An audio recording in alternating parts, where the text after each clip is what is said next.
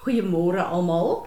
Dit is so voorreg om vanoggend net hier voor julle weet te kan sit in my eie huis en in my uit te kyk oor my eie tuin. Wat 'n voorreg is ons net nie en wat 'n voorreg uh, gee God ons net nie om met gesonde liggame te kan opstaan elke dag om hom te loof en te prys.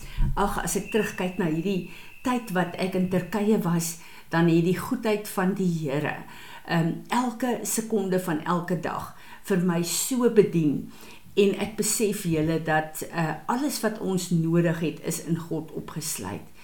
Na 'n tyd weg van uh, ons eie geriewe wil ek sê en uh, alles wat die Here ons gee om uh, ons te seën in ons elke dag se lewe is ek diep diep dankbaar. Hierdie is sommer net 'n kort kort môre sê vir julle ek sal later vir ons 'n 'n langer potpien opsit Ek wil vir julle vandag sê baie baie dankie vir elke een wat van julle wat gebid het. Al die visioene en die goed wat voor uh, vooraf gekom het, het vir ons gewys ek moet gaan, maar dis ook 'n moeilike en 'n gevaarlike plek en 'n sending. En uh ek was maar 'n bietjie geïntimideer geweest want ons almal weet van die oorlog wat uh aan die gang is en ek was so na aan alles gewees en ook die mense wat daardeur beïnvloed het uh, is en ek besef die Here het vir ons hierdie visioene en goed gegee sodat ons kon bid en ook die planne van die vyand kon kon eh, kanselleer en in sy getrouheid het hy dit gedoen. Ehm um, ek besef absoluut hoekom die Here my gestuur het en uh toe ek terugdink, toe besef ek is omtrent 90% van die mense wat ek voor gebid het en bedien het, is leiers van die verskillende lande uh rondom en hierdie leiers is moeg en moedeloos en soos wat hulle vir my sê, hulle voel I feel I'm stuck. Hulle voel of hulle nie vorentoe of agtertoe kan gaan nie. So almal is baie bewus van wat aangaan ook uh in die hele uh, uh Asië. En uh, dit is vir hulle moeilik en hulle omstandighede is baie moeilik julle.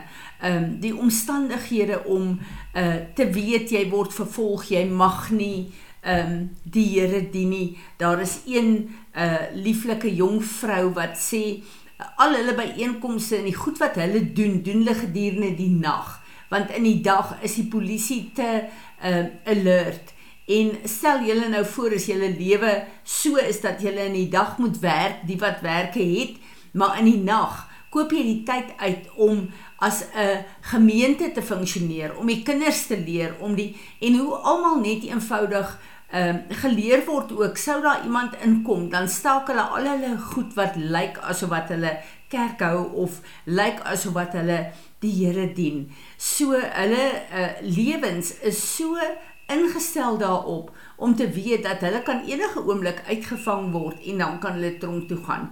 En ek besef net hierdie mense betaal 'n prys wat ons glad nie eers bewus is van uh, daar is nie 'n prys wat ons betaal nie. En dan maak dit my hart baie keer seer as ek kyk uh hoe uh, uh gemaklik baie van ons en ek sluit myself in En dan is dit baie keer net makliker om Zoom te doen as om fisies kerk toe te kom. Daai mense begeer om die Here openlik te te dien. Uh so uh iets wat nogal vir my uh besonder was die een uh vrou wat saam met my bedien het uh sê vir my het jy gesien wanneer hulle inkom dan sien jy die donkerheid op hulle gesigte, die moedeloosheid op hulle gesigte. En as die Here hulle klaar bedien het, dan lyk dit of die son opgekom het.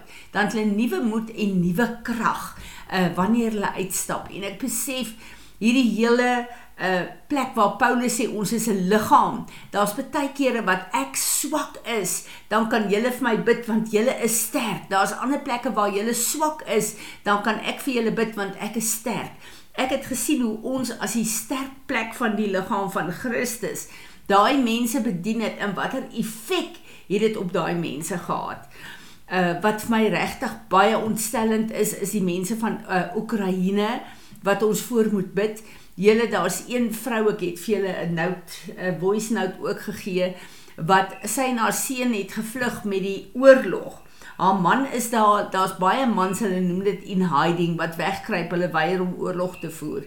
Maar uh die die die die uh dorpie langs hulle waar meeste van hulle familie en vriende bly is met een bom is al daai mense, meer as 200 mense doodgemaak. Nou dink net aan daai verlies in een dag vir jou. En sy wil huis toe gaan, maar sy het nie 'n huis om na toe terug te gaan nie. Uh, hulle het nie finansies nie, hulle het hulle werke verloor. Hulle het die impak van hierdie oorlog uh, is absoluut onbeskryflik uh in hierdie mense se lewens. En nogtans het hulle dankbaarheid teenoor die Here, het hulle 'n uh, liefde vir die Here en het hulle ontzag en eerbied vir die Here. En uh, ek besef julle hier op aarde het die Here ons gevrywaar om deur hierdie beker van suffering te gaan. Maar daai mense doen dit en hulle het ons gebede nodig, julle.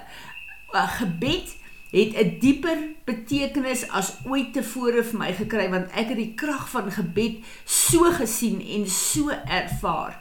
Uh wat ook vir my nogal 'n bietjie ontstel het is deel van die span uh uh wat ek moes lei.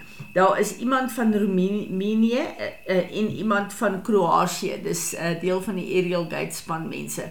Dis lande wat grens aan Oekraïne en Rusland. Hulle mans het reeds hulle oproep na weermag na oorlog uh, na die weer, van die weermag ontvang. So daai lande se weermag is gereed want hulle verwag die oorlog gaan oorspoel na hulle lande toe.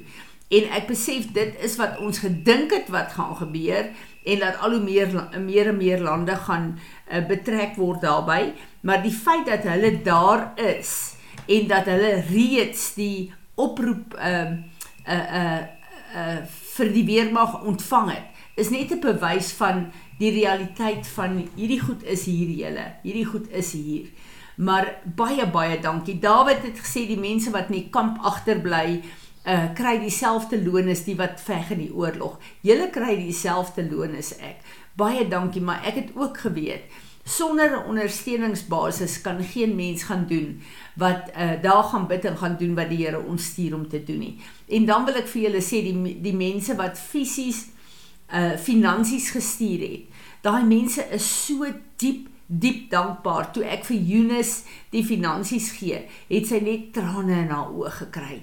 Dankie vir die geskenkies. Hulle deel daardie geskenke uit. Hierdie vrouens is pragtige vrouens, maar dit was vir hulle so lekker om net spesiaal te voel en om in 'n plek te wees waar hulle openlik die Here kan dien. Baie dankie vir elkeen van julle.